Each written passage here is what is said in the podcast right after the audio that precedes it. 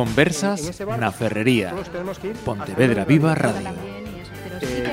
Hola, saludos. Vamos a tratar esta vez en las conversas na Ferrería una cuestión pues que el pasado mes de abril tuvo así como un punto álgido debido a un caso que trascendió a la opinión pública. Una cuestión que en este país sigue pendiente de, de regularse, de ver si la muerte digna, cómo, cómo se gestiona.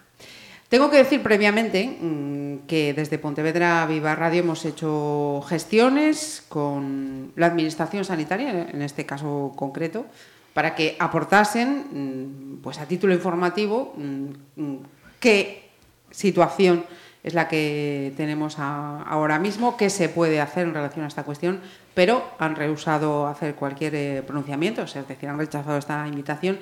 Y también hemos eh, invitado a alguna otra entidad eh, privada, pero pues, de momento la respuesta ha sido el, silencio. No hemos tenido respuesta, pero Después de semanas y semanas gestionando esta charla, hemos decidido que la sacamos adelante y la vamos a sacar adelante con los dos colectivos que desde el primer día nos dieron el sí a tratar esta cuestión de la muerte digna. Ascensión Cambrón es la presidenta de DMD Galicia, Derecho a una muerte digna aquí en Galicia. Bienvenida y gracias. Eh, gracias a, ti también por eh, implementar programas deste tipo que tanto aportan a la población.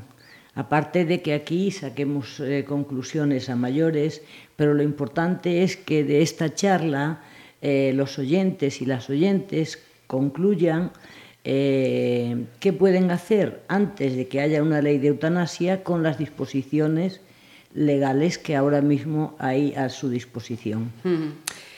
Junto a Ascensión eh, han venido hasta Pontevedra Lucía Calvo, que es eh, directiva de DM de Galicia. Hola, buenos días. Bienvenida también. Eh, lembro, eh, aquí cada un fala o que queira, galego castelán, vale? Como, como eh, paréntese. Eh, tamén, eh, desde el primer día, eh, desde la Asociación eh, Agaela, su portavoz aquí en Pontevedra, Joaquina Martínez nos dio el sí. Bienvenida. Gracias, buenos días. Y, y acompañando a Joaquina mmm, está eh, su nieta, Selene Torres. Bienvenida. Hola, gracias. Que me decía Joaquina, es que no me deja, o sea, está todo el día pegada, pero qué suerte tienes la nieta todo el día ahí a, acompañándote. Es un orgullo. Pues con ellas vamos a, a tratar esta cuestión como, como punto de, de partida, ¿no? Esa aclaración que yo hacía al, al comienzo, esa situación que me encuentro de que la gente, las administraciones, las entidades son reacias, hay un recelo a hablar de esta, de esta cuestión, en general de la muerte en sí, ¿no? Pero ya cuando hablamos ya de, esos eh, derechos a una muerte eh, vosotras que, sobre todo, eh, Quina, Quina, perdón, eh, Ascensión y, Lucía, que sois las, las que me imagino más directamente estáis trabajando con más entidades, colectivos, ¿Por qué este, este rechazo o no querer hablar de, de, esta cuestión? Pues a mí me parece que hay eh, dos razones fundamentalmente. La primera es que eh, en nuestra sociedad eh, la muerte sigue siendo un tabú. Parece como que se hace difícil abordar un tema como el de la muerte, que por otro lado es consustancial a la vida, uh -huh. no se quiere hablar de eso. Pero aparte de esta primera razón, el que mmm, responsables de las instituciones públicas no quieran pronunciarse ante una uh, situación como esta, también creo que es una muestra de los recelos que manifiestan ante la petición de que esta situación se regularice. Uh -huh. Tienen como temor todo y que en el Parlamento gallego en 2015 se aprobó por unanimidad una ley de muerte digna. Eh, tendría que ser obligatorio, cumpliendo su deber correlativo al establecimiento de unos nuevos derechos, de eh, manifestar públicamente qué han hecho respecto a esa ley que se aprobó por unanimidad, qué han dejado de hacer, las razones que hay y, sobre todo, un balance de eh, la aplicación de esta norma. Entonces, eh, a mí me parece que esto es una actitud vergonzante, esconder la cabeza bajo el ala ante unas responsabilidades que desde mi punto de vista no han cumplido. Ajá. Uh -huh. eh, Lucía, tú también eh, entiendo que... Sí, sí, claro.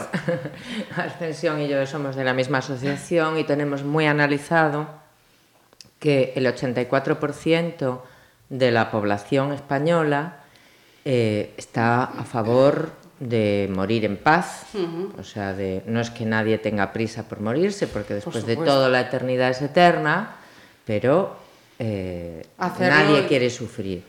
O sea, en realidad mm, yo creo que nos funciona a todos el instinto de supervivencia y cuando mm, manifestamos nuestro deseo de morir, en realidad lo que queremos es, y que nos ayuden a morir, en realidad lo que queremos es dejar de sufrir. Uh -huh. No hay sufrimientos que son insoportables. Y la sociedad, eh, la administración, el Estado, tiene que dar respuesta a esto en el siglo XXI porque es un derecho, Ajá. no una obligación. Sí, sí. Digamos que el derecho a la eutanasia que nosotros mm, perseguimos pues sería equivalente al derecho al divorcio y no, nadie te obliga a divorciarte o, uh -huh. o, el derecho a interrumpir el embarazo cualquier otro derecho y nadie social, te claro.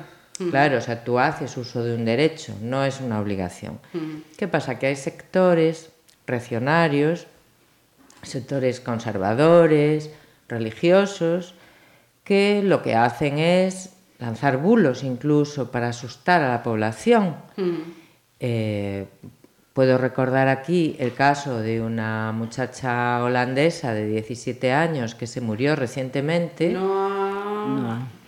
Sí, sí, no es capaz de pronunciar el apellido. No. no. no, importa. Para lo que, para lo que queremos decir, uh -huh. o sea, lo que queremos decir es que salió la información tergiversada uh -huh. en muchos medios de comunicación. Ya no hablemos de redes sociales, sino estoy hablando de medios tradicionales a los que accede una parte de la población, otra parte solo se informa a través de redes sociales, pero en fin, hay una dualidad ahí.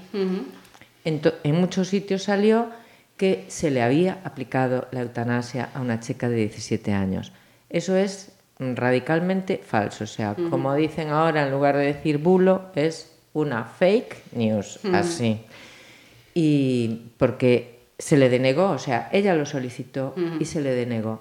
La muchacha tenía un sufrimiento insoportable, finalmente se murió. Pero... Sí, rechazó beber y comer, fue una decisión... Sí, sí, sí, sí, claro, quiero decir que no fue ayudada a morir. Uh -huh. ¿Qué pasa? Que estas noticias se sacan porque quieren, digamos, eh, pues eh, Dar esa fomentar visión. sí, lo de la pendiente resbaladiza. Es que si se legaliza la eutanasia luego va a pasar que puede ser que haya gente que sin pedir la eutanasia se, le, se le dé muerte. Bueno, eso sabemos que es mentira también porque tenemos la experiencia de Holanda, Bélgica y otros países mm. donde está legalizada la eutanasia Ajá. y eso no, no ha sucede. pasado. Mm. Eh, fíjate que mm, cuando he conocido a Aquina me hacía un comentario que, que me ha llamado la, la, atención. Decía, es que es curioso, pero cuando se tratan de, de estas eh, cuestiones, a uno de los siempre, colectivos que nos llamáis... se acuerdan de, de nosotros, de siempre los se acuerdan de, de ella. Ajá. Yo le decía, es que, a ver, en, en, en este caso yo me dirigí porque buscando información vi que erais de los pocos colectivos que os pronunciáis sobre, sobre esta cuestión. Sí, porque nuestra enfermedad ya se sabe a qué conduce, a la muerte segura. Uh -huh. A la muerte segura. Y creemos que la eutanasia tiene que legalizarse. No porque el enfermo, por ser enfermo de ELA se puede vivir dignamente si estás bien atendido, si las instituciones eh, ofrecen lo que tienen que ofrecer, porque un enfermo de ELA normalmente no tiene dolor. Si estás mm. en un ambiente normal con tu familia, viendo la luz del sol, disfrutando de lo que te queda de vida, no es un sufrimiento, a ver si me mm. entiendes, físico. Sí. O sea, no tiene por qué llegar a, a querer la eutanasia. ¿Qué pasa? Si quieres la eutanasia, llega un momento que al, al, no tener por ley este derecho, no te queda otra que que te ayuden a morir. Porque hay un momento en que no puedes mover absolutamente nada de tu cuerpo. ¿eh? Ya se ha visto en el caso de, la señora esta, de María José Carrasco. José Carrasco. Eh, no nos olvidemos, dos años antes, en el 2017, José Antonio... Hernández, el marido. No, no, no, no, no. no, ah, A un caso anterior. Eh, José Antonio se llamaba este señor, que publicó su muerte en vídeo, creo que lo entregó al país, y se suicidó en directo. Era enfermo de ELA. A este hombre no le había llegado su hora, pero en ese, en ese momento aún tenía un poco de movimiento en sus manos.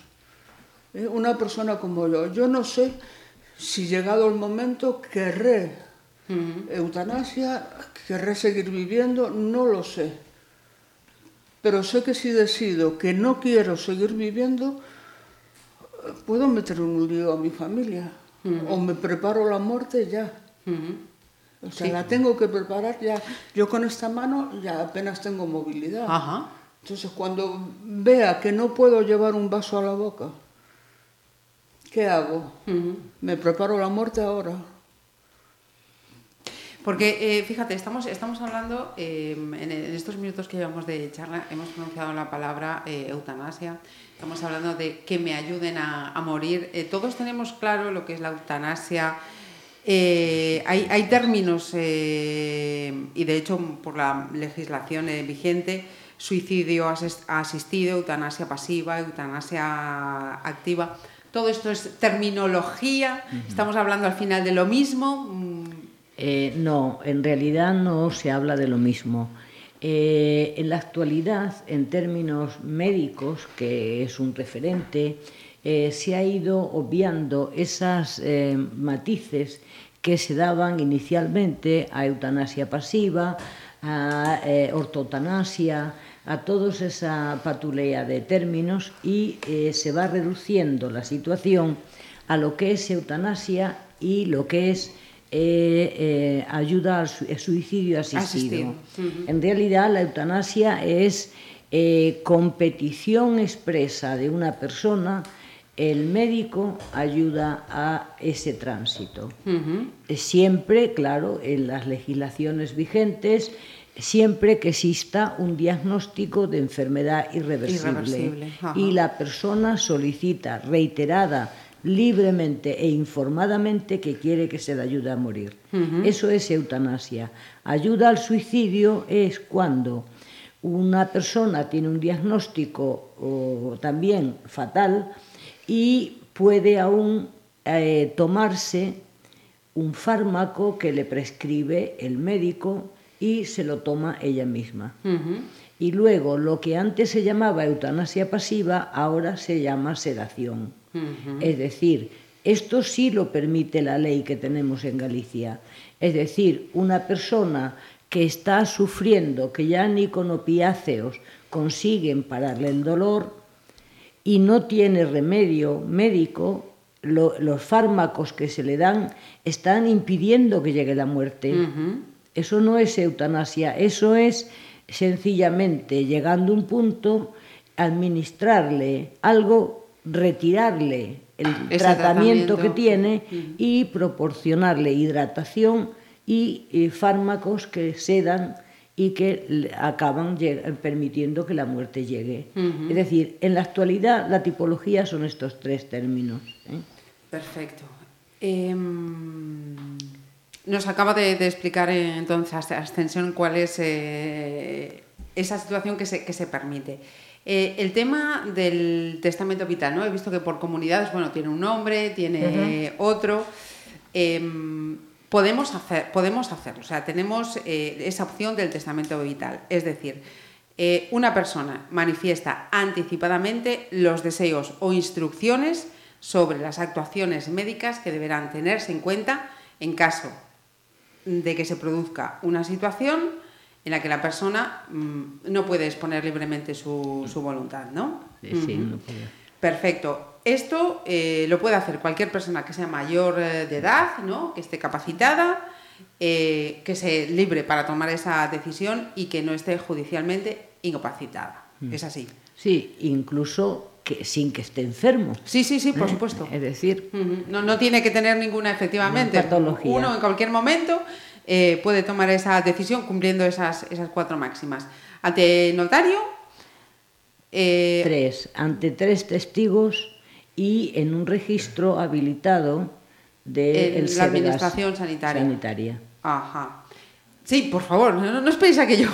sí, yo quería añadir a esto del, del, testamento vital, que en Galicia se le llama documento de instrucciones previas. Ajá. Eh, quería añadir que nosotros como asociación de MD recomendamos a todas las personas mayores de 18 años que eh, si quieren que lo dejen hecho. Eh, que lo dejen hecho, que lo registren Hai sistemas gratuitos, hai efectivamente tres sistemas, como tú señalabas, ante notario, ante testigos uh -huh.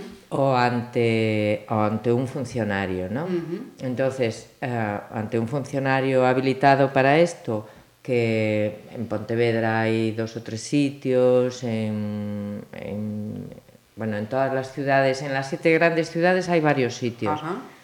Está un poco más abandonado el rural, pero bueno, tienen la posibilidad También de hacerlo hay... ante tres testigos, de los cuales al menos dos no deben de, de, ser de, de primera o segunda parentesco. O relación económica, ¿no? Ah, sí, también, que no sí, dependan. Eso un poco es. para, mm. claro, para esto. Entonces, eh, a nosotros nos parece que es um, una cosa que facilita al equipo médico tomar decisiones en un momento dado si las personas tenemos escrito que no queremos que nos apliquen recursos extraordinarios en caso de que estemos pues, en, en, en una enfermedad terminal, irreversible, que no podamos expresarnos, uh -huh. etc. O sea, recursos extraordinarios que nos prolongarían la vida de forma artificial. De manera uh -huh. artificial, quiere decir uh -huh. que esa misma patología hace 50 años pues no, no habría métodos para, para, para poder para prolongar la vida. Entonces a nosotros nos parece que le facilita a las familias o al entorno del paciente, les facilita no tener que tomar decisiones porque la persona ya lo dijo cuando sí estaba cabal, cuando sí estaba sana. Sí, con todas sus facultades. Eh, con todas sus facultades. Facilita al equipo médico, al entorno y al propio enfermo que no querría verse pues eh, prolongándole artificialmente la vida un montón de tiempo, porque claro, hay un desarrollo tecnológico ahora que no había hace 100 años y que teóricamente permite, y claro, si yo no quiero, mmm, me imagino cualquier patología que yo pueda tener, y si no quiero, pues mmm, que me tengan con un respirador artificial manteniéndome la vida atado a ello, uh -huh. pues... Eh, pues lo quiero decir ahora. Entonces eso es un documento que se registra, que lo puede hacer cualquier mayor de 18 años y que facilita las cosas, yo creo que a todo el mundo. Y nosotros recomendamos. Porque que el documento es de, es de cumplimiento obligatorio. Lo sí. que dejas ahí escrito sí. es eh, obligatorio, es Ajá. un derecho que reconoce la ley esta de 2015.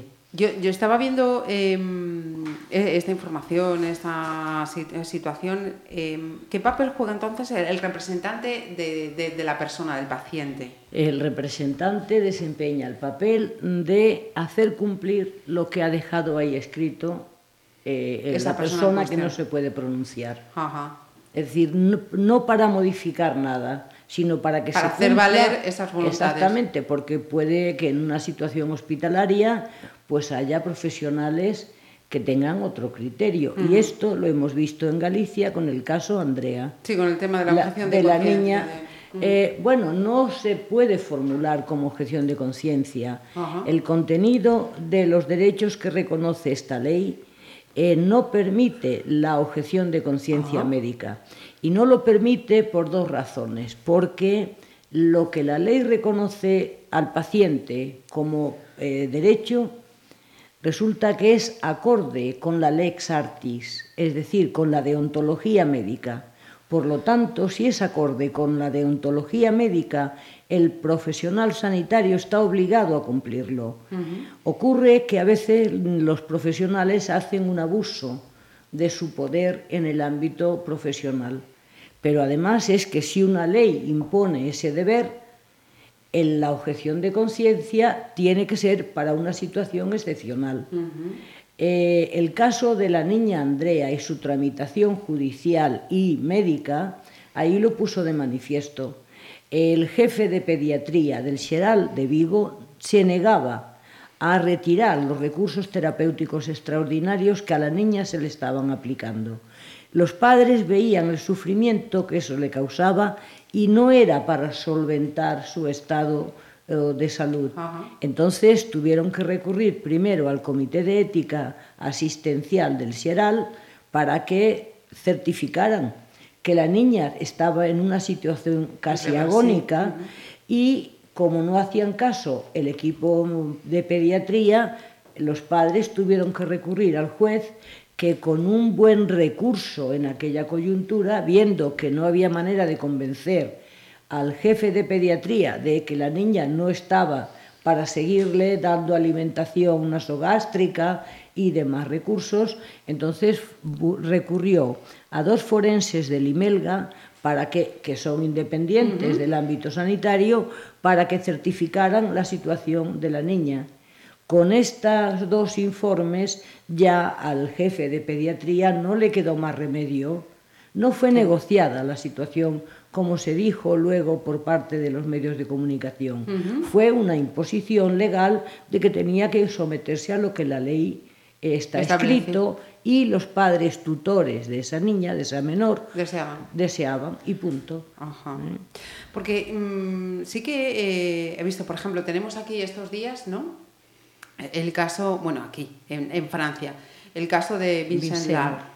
Lambert. Esta semana eh, se ha anunciado que de nuevo eh, se le va a volver a desconectar de las máquinas de alimentación e hidratación. No era la primera vez que se tomaba esta decisión, pero hubo que dar marcha atrás y, y, y leyendo eh, sobre el caso ves que mmm, a, se producen eh, conflictos incluso de dentro, dentro de la familia. ¿no? La persona ahora mismo ya, ya no puede pronunciarse sobre lo que quiere. Tampoco eh, había una, um, un testamento vital que dijera esto es lo que quiero. ¿no? Pero claro, eh, te encuentras con que hay una parte de la familia que dice que sí, otra parte de la familia que dice que no. Me imagino que ante la falta precisamente de esta previsión de un documento de, de instrucciones previas... lo que puede suceder es un caso como, como este, ¿no? Sí, la verdad que es bastante, bastante triste lo que se está viendo. Pero bueno, también digo, las instrucciones previas hay que hacerlas eh, cuanto antes, en vida, y no cuando, en el momento en que te dan un diagnóstico de una enfermedad terminal. Que en ese momento mismo te digan instrucciones previas, aquí las tienes. Porque de verdad que es eh, eso, eso te ha sucedido, momento, eh, ha sucedido muchísimo, muchísimo. No, a mí me dijeron que tenía oh, vida para 5 o 7 años y nada uh -huh. más. Pero te consta que esa sí, situación sí, sí, se sí, produce. Sí, en muchos, en muchísimos casos, ¿eh? con nombres y apellidos. Sí, si me permites, yo creo que eso, eh, si se hace, eh, el que lo hace puede ser bien intencionado, El problema, aunque no sea correcto, porque cuando te acaban de No, dar un no diagnóstico y te dicen que escribas el documento de instrucciones previas, eh, te ponen en un dilema eh, que aumenta tu sufrimiento. Sin embargo, eh, el que en Galicia existan tan pocos registros de documentos de instrucciones previas es porque la población ignora que eso esté regulado y pueda hacerse. Es decir, eh, únicamente la Asociación por una Muerte Digna en Galicia estamos divulgando la necesidad de que registremos ese documento, cuando todavía estamos medianamente bien. Uh -huh. ¿Por qué? Pues porque lo puedes hacer como una decisión reflexiva que te acompaña, igual que podías decidir dejar algo, si tienes sí, algo una, que una dejar herencia, lo mismo que a tus, herencia, a tus dejar herederos, para... pues también esto es sobre tus decisiones, sobre tu vida y tu cuerpo Mm. mismo. Y esto es importante hacerlo. Yo, frente a lo que dice Quina, que comprendo que eso, cuando te dan un diagnóstico... Es, si claro, en ese momento la capacidad es, de, de, reflexión, no, como dices... No es, no, es, no es el momento, porque esto, creo yo que las autoridades sanitarias son las que tienen que divulgar la conveniencia en los centros de salud de que esto es posible hacerlo sin coste y con toda la lucidez del mundo y, e, e informarlo no solo en los centros de salud, también poner alguna, algunas cuñas publicitarias para que la población se informe. Sí, o folletos Porque, informativos como se ponen de eh, Estamos en el ranking eh, a nivel de Estado. Eh, el tercer país, eh, el último no, ni el, ni el penúltimo, el antepenúltimo con menos documentos registrados, frente a comunidades como Navarra, en el que eh, tienen un 12% de, de la población que ha registrado su documento. Eso, y pongo esta comunidad navarra, que no es que sean todos ateos y gente de mal vivir, es gente tan sensata como podemos ser los gallegos. Y sin embargo, aquí nosotros desde la DMD somos los que estamos recorriendo poblaciones del rural, de las ciudades, informando a las personas de que esto es un derecho, que si quieren lo ejercen y si no, no, porque el documento registrado así con tiempo también es reversible. En un momento puedes cambiar de opinión y dices que lo anule y punto. Es un ejercicio de libertad que implica empoderamiento de las personas, porque es cuando hay que pensar en esto aunque eh, no nos dediquemos a pensar en la muerte. Claro, el, problema, entiendo, es a lo que se refería Kina, que ese proceso de, libertad, de reflexión y tal, eh, en esa situación, claro. Yo, yo llevo tres años y medio diagnosticada y aún no sé lo que quiero. No, pero es que... Eh, no sé lo que quiero, yo quiero vivir. Vivir lo que me quede dignamente. Con calidad de vida. Con calidad de vida, porque, ojo, es una enfermedad que normalmente no vas a sentir dolor. O sea, como decía nuestro antiguo presidente, que en paz descanse, la ELA la tiene mi cuerpo, no mi mente. O sea, la mente está lúcida, se pueden hacer muchísimas cosas, se puede disfrutar de muchísimas cosas, pero se necesitan una serie de recursos que en este momento no están a disposición de todo el mundo. Claro, O sea, la ELA depende eh, tu poder adquisitivo para tener una vida mejor o peor. Pero también de tener un entorno que te arrope, que te ayude a vivir eh, encajando la disminución de tu autonomía que vas experimentando. Por eso digo, yo en este momento no sé lo que quiero. O sea, no, no, me ha llegado el momento psicológicamente para decidir, para decidir lo que quiero. Lucía y Ascensión, por cierto, ya que estamos eh, aquí, eh, ¿habéis tomado la, la decisión? ¿Tenéis el, el, testamento vital? Sí, sí, pero bueno, eh, sabemos que somos minoría. De hecho, en Galicia, según los datos del registro, sí. hay siete mil y pico de testamentos. ¿Solamente? Solamente. El gallego, el gallego es muy reacio ya, ya, ya hemos visto hablar del de tema. Muerte. Sí, sí. sí de... Es muy reacio a hacer un testamento. Uh -huh. Un sí, testamento sí. normal. Sí, sí. Sí, sí. Si ya reaccionó con eso, imagínate. Y de todas maneras, yo, si me permitís, que yo soy gallega de pura cepa, ¿no? Yo por, no, por yo no. y Ascensión tampoco, que es cordobesa. Yo tampoco. pues eh, yo recuerdo mmm, cuando yo era niña, yo nací en los años 50, y cuando yo era niña, en el rural en Galicia, eh, se hablaba de la muerte con gran naturalidad, los niños íbamos a, a visitar a los cadáveres y les besábamos y todo el abuelo de no sé quién, o sea, que nos daba igual. Eh, se vivía que, con más naturalidad. Sí, sí, que una tía abuela mía se murió en carnavales y entonces cómo iba yo a dejar de disfrazarme, yo tenía siete años, mi madre cómo te vas a disfrazar con la tía Balbina de cuerpo presente, en fin, que se hablaba de los muertos y de la, muerta con y de la muerte con muchísima naturalidad, se moría en casa, también se nacía en casa. Uh -huh. Os hablo de, de hace muchas décadas, ¿no? Y esto empezó a cambiar, pues, eh, como en la década de los 70 más o menos, Y en los años 80 ya ningún, ninguna persona moría en su casa porque en cuanto las personas empezaban a tener problemas, la gente se asustaba y corriendo al hospital a ver si le prolongaban la vida. Vamos, yo mi tesis es que se resucita, o sea, cuando se reanima a alguien que está en parada cardíaca, lo que se hace es resucitarle, ¿no?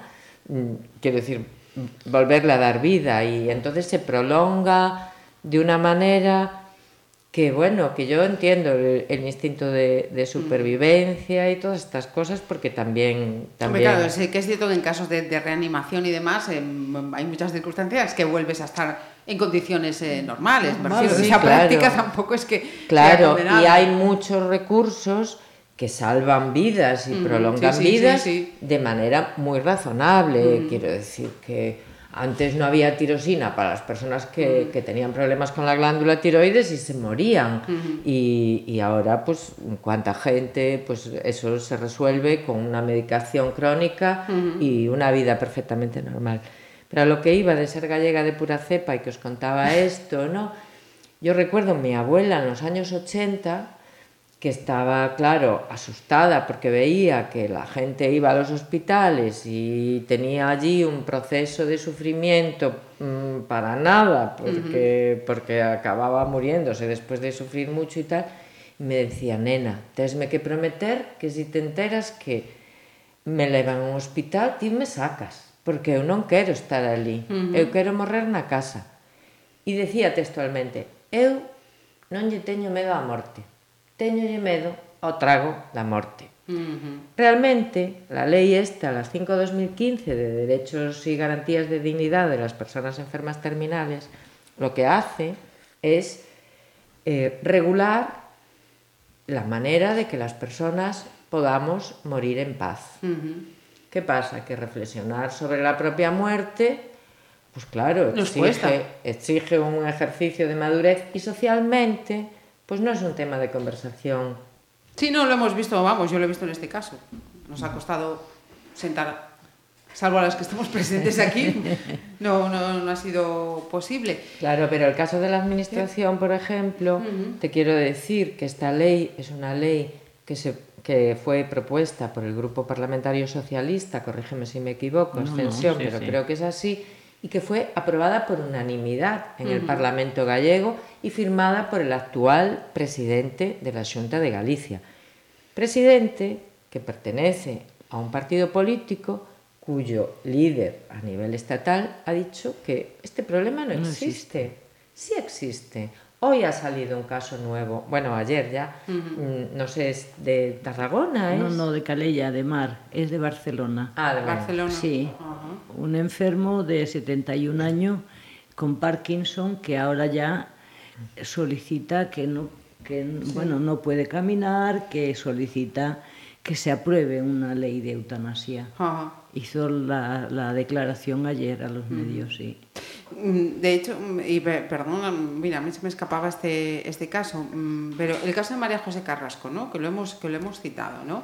una mujer eso que, mm, que ya desde hacía años, por lo que hemos escuchado a su marido, ya mm, lo tenían pensando, que ese eh, medicamento ya lo tenían desde hace tiempo, que sabían que, que esto tenía, o sea, que querían mm, eh, tener esa, esa muerte digna, ¿no? No, no tener todo este, este proceso.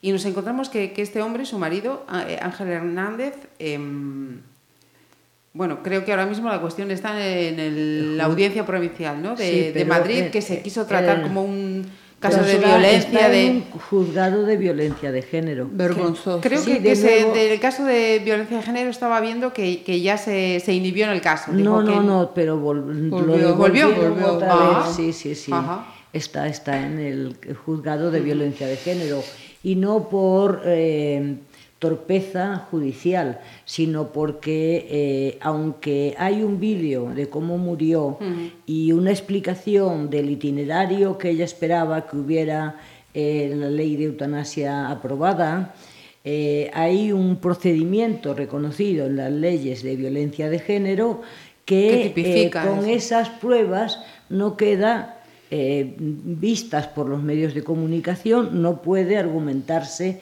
que no fuera violencia de género. Eh, la justicia tiene unos procedimientos que seguir y por lo tanto está en el juzgado de violencia de género de nuevo porque allí ha sido remitido por la Audiencia eh, Nacional. En, este caso es el delito de auxilio cooperación al, suicidio. Sí, sí, eso está en el artículo 143 del Código Penal, 43.4, que en el supuesto de ser una ayuda altruista, generosa a un paciente o a una persona que desea morir, será penado en uno o dos grados inferior a lo que sería eh, cometer un, homicidio. O sea, que nos encontramos que con este vacío legal, ante la, situación ya de, ver a esa persona en esa tesitura, encima mm, tú te ves también en, en esta otra circunstancia, ¿no? La tesitura, perdona que te matice, no es que se compadezca por sí mismo, es que la petición de esa mujer que ha sido cuidada por él tantos años, le insiste que quiere acabar con su sufrimiento, que la ayude.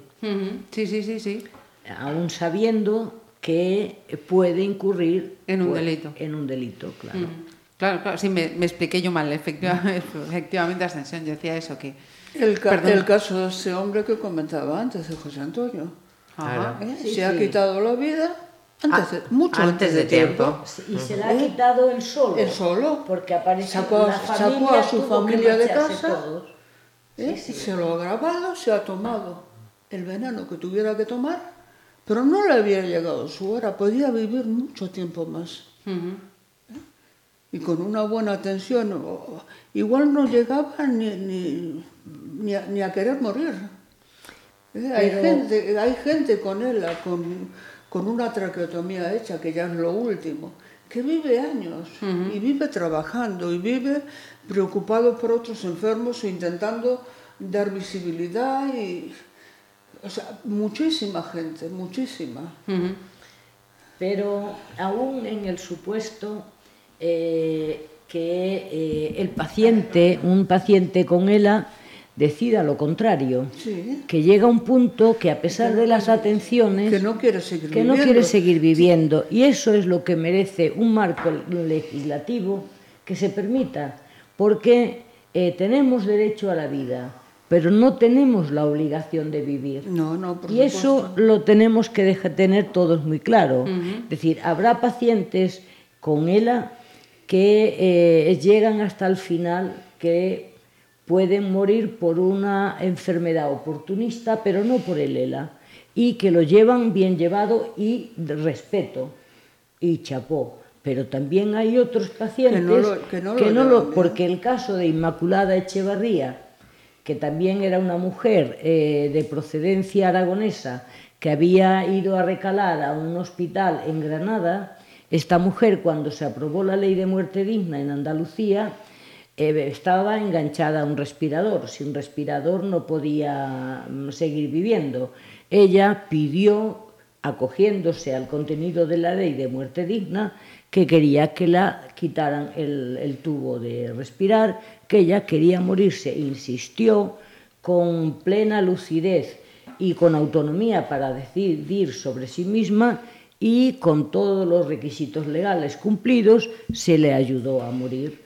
Claro, porque eh, hay una variabilidad de dependencia. Es que el poner un respirador es una decisión personal de uno. El poner la PEG es una decisión personal de uno. Si no lo quieres. Claro. Eso es lo que necesitamos, que exista el marco legal para permitir que este tipo de personas que la vida ya eh, le es una limitación, una anulación del ejercicio de su autonomía, que quieren dejar de vivir y no tirarse por un, un balcón, colgarse o ponerse ante el tren. Es que una forma de no puede tirarse por un balcón. Ya, ya, ya. Necesita ayuda. claro, o hacerlo mucho antes de tiempo. Sí, sí, claro. O, sí, o enséñale a vivir. Es necesario una atención psicológica para una cosa o para otra. Claro. El enfermo de ELA, no eh, eh, según la comunidad o según la provincia, no tiene atención psicológica. Porque yo aquí iba al psicólogo y me mandaba a volver a los cuatro meses. ¿Eso qué atención psicológica es? Y te daría pastillas para que tomaras. No, no, no, no, el psicólogo no. Pero eh, después llega un punto en que necesitas una atención 24 horas. Pero no porque tengan que estar contigo, o sea, tienen que estar vigilándote, porque si tienes un respirador se puede desconectar pero tampoco eh, estamos con lo que estás diciendo ahora mismo, eh, Kina. Em, corrígeme si, si, si, no es así la conclusión a la que llego. Em, si uno está en esta tesitura, en la enfermedad, por ejemplo, de, Lela, y tú dices, bueno, si yo tengo un, tratamiento, tengo unos servicios que me hacen eh, esta situación llevadera, y tal. Porque te digo, no es una enfermedad que, que cause dolor, en la mayoría de los casos, no duele nada. O sea que incluso las, las circunstancias, digamos, eh, externas a la propia enfermedad son las que te pueden abocar a decir, mira, es que así no. Tu, mente, tu mente está totalmente lúcida. Sí, sí, sí, sí. Se pueden hacer, de hecho, hay gente que, bueno, que, que, activa, activa y no mueve ni un solo músculo. ¿Mm? Entonces, con una atención adecuada, la ley de dependencia, con 70 horas, suponte, al mes, no te llegan a nada. Tienes que tener una familia inmensa, pero para que esté a tu lado, porque si se desconecta una máquina o algo, pero puedes salir a la calle, puedes eh, vivir, puedes estar en, redes eh, sociales, o sea, hoy hay para todo. O sea, que, que, la persona que tenga que tomar la, la decisión, quiero vivir o quiero morir, ¿eh? que, que, sea por si por lo que piensa. Porque no haya condiciones externas. Que... Pero, pero, no porque la, las condiciones de su vida, ¿eh? porque estoy fastidiando a mi familia. O sea, yo no me quiero morir. Pero como lo estoy haciendo la puñeta a mi marido o a mis hijos, o tienen que dejar de trabajar para atenderme, pues mira, lo mejor es morir. Uh -huh. Uh -huh. Con, con, todo, déjame eh, sí, que... por favor, sois eh, vosotras las que... Antes eh, decía Lucía que eh, esta ley que tenemos en Galicia se aprobó por mayoría uh, absoluta y además yo acogiéndome a esa expresión que es real, que es verdadera, también creo que mm, hay que dejar muy claro que no todos los votantes de eh, un partido político eh, están en contra de que se regule la eutanasia, cuando eh, sondeos de opinión que se ha hecho a este, en este sentido uh -huh. dan un porcentaje de que un 84% de la población española está a favor de la eutanasia, esto quiere decir que regular la, la eutanasia es un problema político transversal a las formaciones políticas. Sí, sí, sin duda. Es decir, que no es de un partido político, sí. es un deber que tienen los parlamentos, ahora el Parlamento de español, responder de responder ciudadana. a esa demanda, que obviamente ha de ser una ley con muchas garantías para que no se utilice para fines que no son los que para los que lo pedimos. Uh -huh. Es decir, que es para ayudar a morir a personas eh, diagnosticadas con enfermedades que no tienen solución y que piden ayuda por mmm, solidaridad, mm. por eh, dejar impedir que sigan sufriendo. Sí, porque tienes derecho a esa decisión, tengas o pero, no. Pero que eh, no solo son ateos y gente de mal vivir los sí, que sí. solicitan esto. Es por esto que algunos partidos políticos deben ser prudentes cuando hacen declaraciones de que ese problema no existe. Es un problema. Sí, ese, ese porcentaje del 84 decías, ¿no? Mm, sí, Entonces, mm, ¿por qué no hay esa unanimidad? Ese marco, ese marco legal, ¿por qué no se aprueba? ¿Qué es, qué es lo que hace que, que claro, no sea... habríamos de preguntárselo a los partidos políticos que tienen representación parlamentaria que el anteproyecto de ley de Lore que presentó el, el PSOE en, a finales de 2018 ha estado, creo que 13 semanas, impidiendo eh, Ciudadanos y el Partido Popular en la comisión, impidiendo que pasara al trámite de discusión parlamentaria. Uh -huh. Hay que preguntarle a ellos, porque eh, sin no, em- no sí. hay otra, otra explicación. Sin embargo, Eh, al hilo de lo que hablábamos antes, del caso de María José Carrasco y Ángel Hernández y del otro señor que citaba, José Antonio. no me acuerdo del apellido y tal,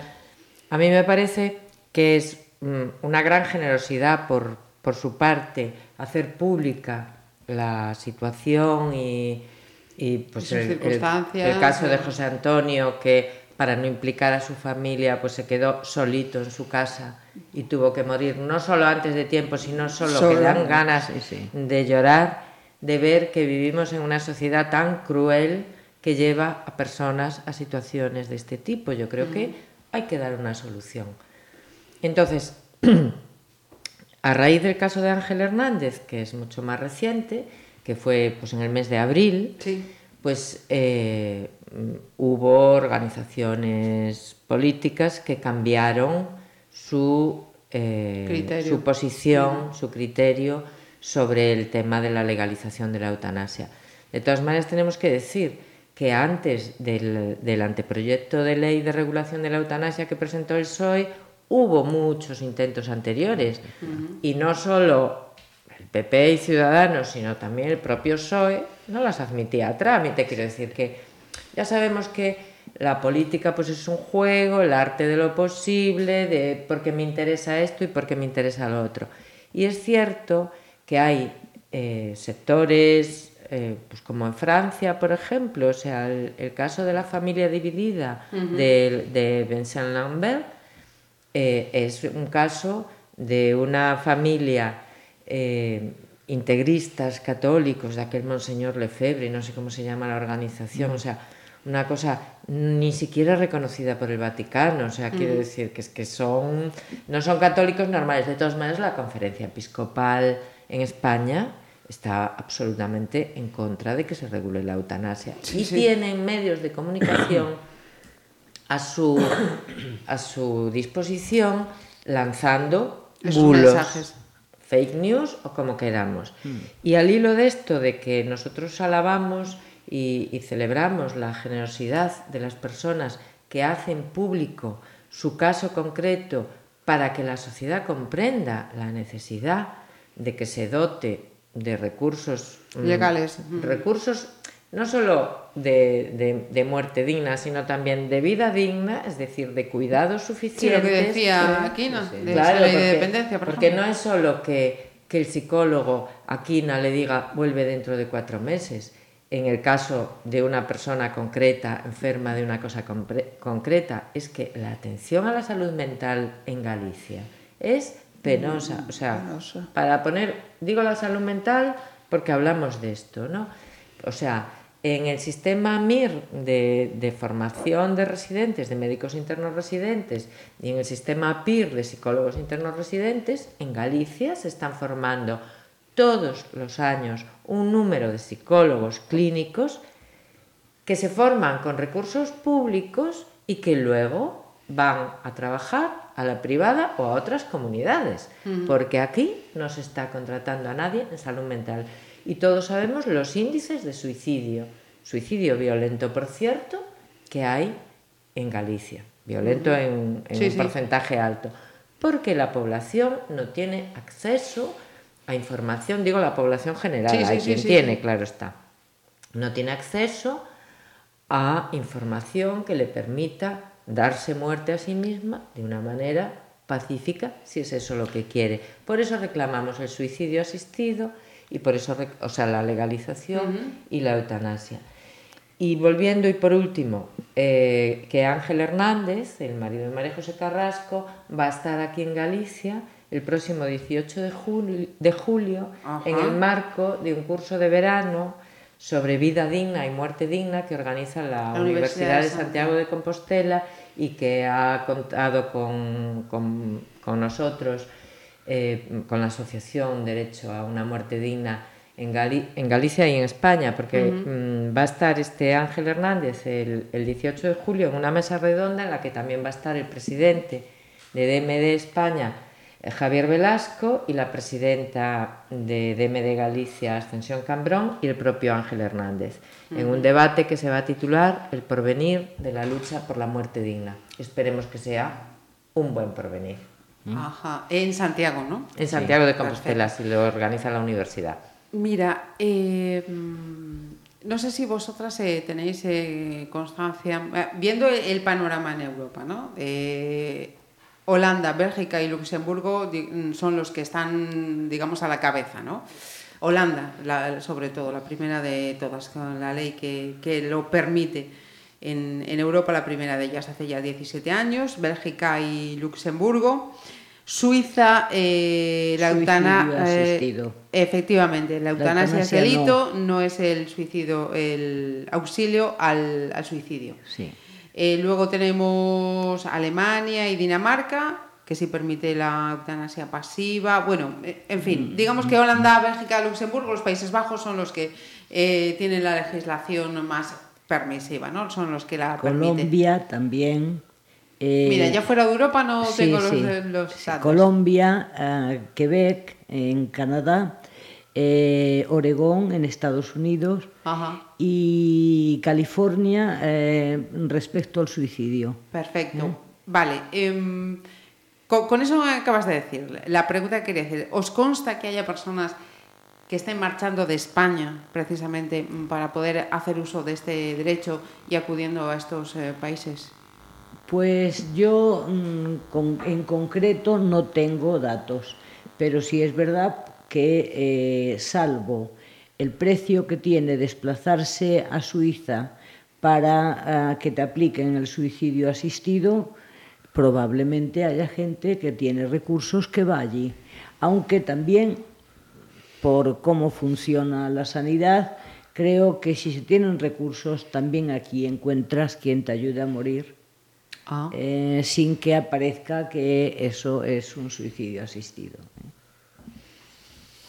Como siempre, eh, la demanda de esta ley es que queremos que esto ayude a los de abajo, que son los que tienen menos posibilidades de que te ayuden a morir eh, sin que eso trascienda a petición propia y eso ocurre. ¿eh?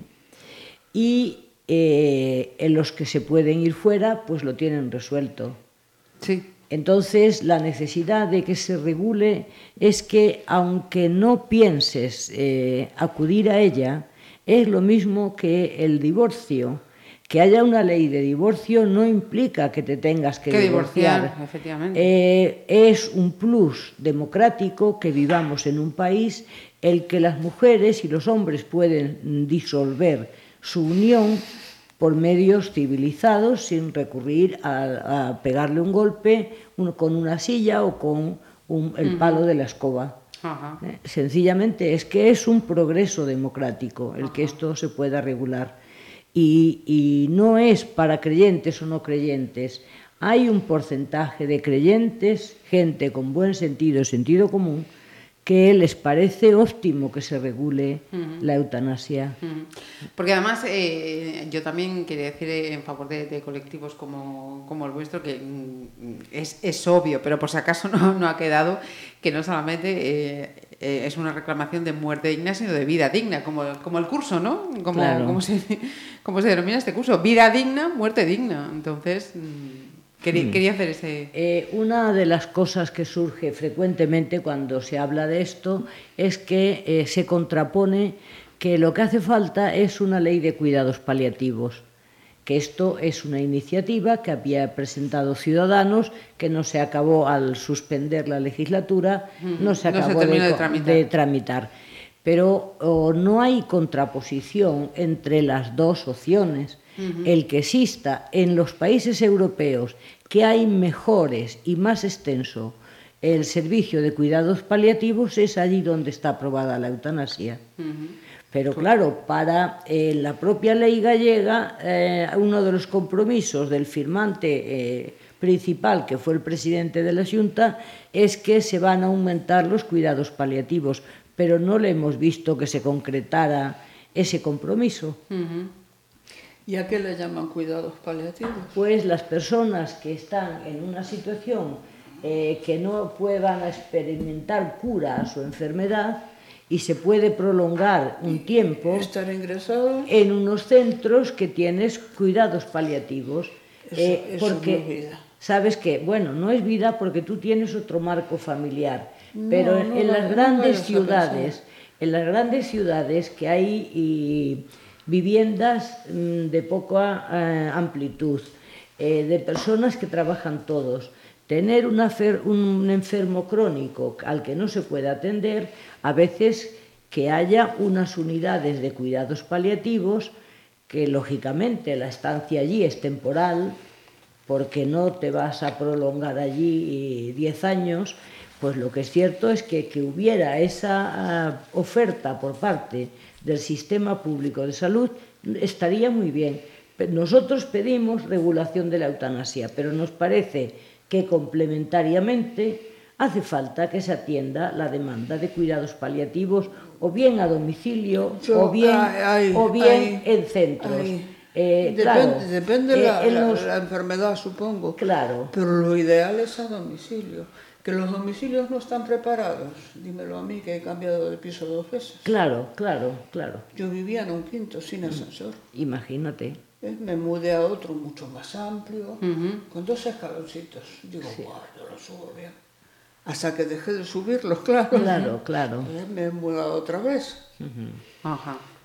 A ver, eh, cuidados paliativos ahora mismo en España, a domicilio y, y también en centros, los hay y de mucha, mucha calidad. O sea, yo no te los explicar porque no, porque no soy especialista de esto, pero el otro día nos contaba pues, una médica de nuestra asociación cuyo marido eh, estuvo en cuidados paliativos más de 20 días al final de su vida y bueno, eh, nos contaba el centro donde había estado y que mmm, de maravilla, porque es que muchas veces el sufrimiento de los enfermos terminales no es solamente un sufrimiento físico, tú decías, es que la enfermedad que yo padezco pues no produce dolor ya, pero es que el sufrimiento, el padecimiento, tiene varias vertientes, porque, claro, el ser humano, pues eh, somos complejos, entonces no es solamente a veces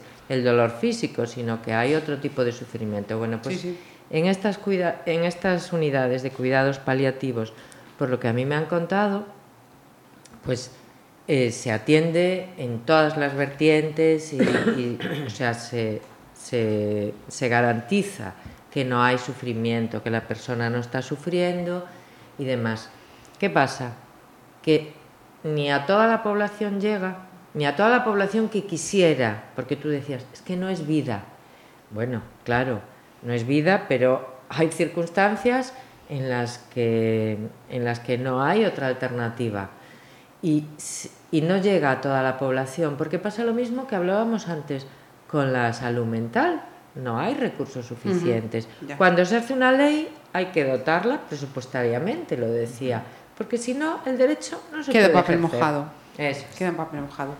Eh, está claro que podríamos seguir aquí debatiendo mucho más. Lo que sí me gustaría, antes, antes de terminar, reitero mi agradecimiento eh, a las cuatro personas que, que nos han querido acompañar a, aquí hoy. Eh, pero sí quería decir, cualquier persona que nos esté escuchando que tenga interés, eh, ¿dónde se puede poner en contacto con, con vosotros? Bueno, a ver, en nuestra página web eh, tenemos muchísima información, pero si no quieren tener información a través de la página web de Derecho a Morir Dignamente, porque les parece que tiene una visión muy comprometida y tal, pueden ir a la página web del Sergas, donde también pues hay información sobre pues eso, sobre los derechos, la dignidad de las personas y tal.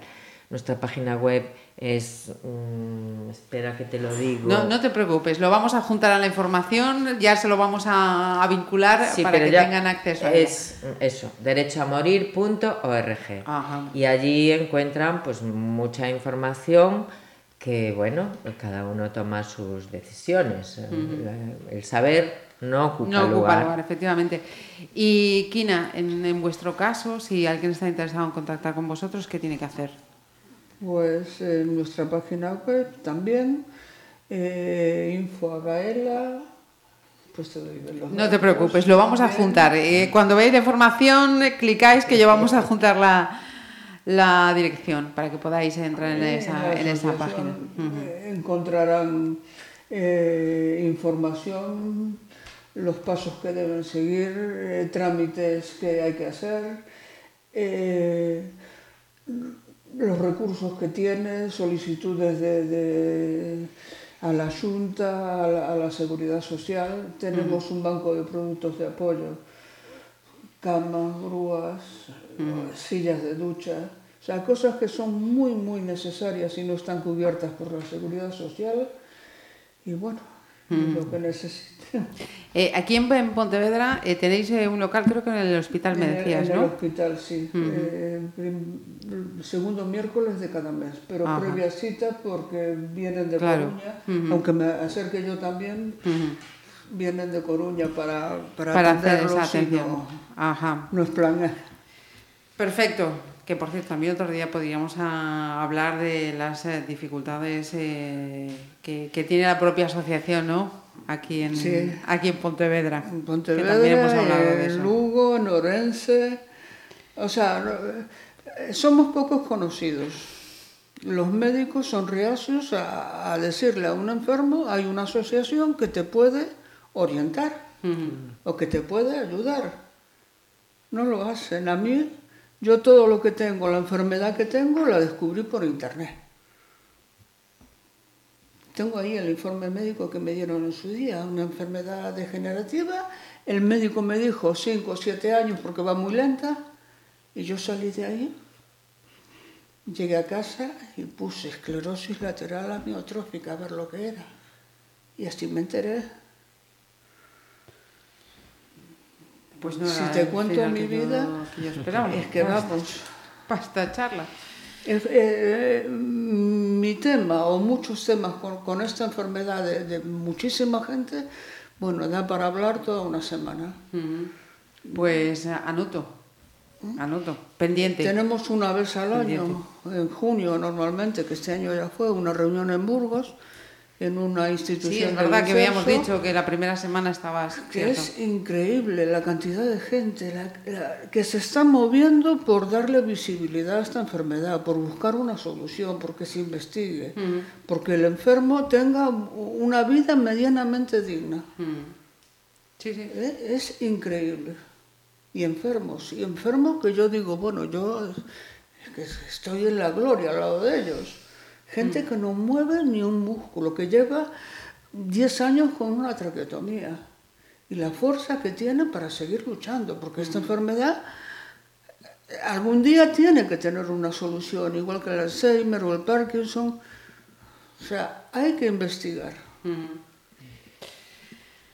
veo que da para muchas, muchas vertientes da para esta, mucho. esta charla. Da para mucho. Ascensión, Lucía, Kina, Selene. Selene, qué mala soy para recordar los nombres, Dios mío, perdóname.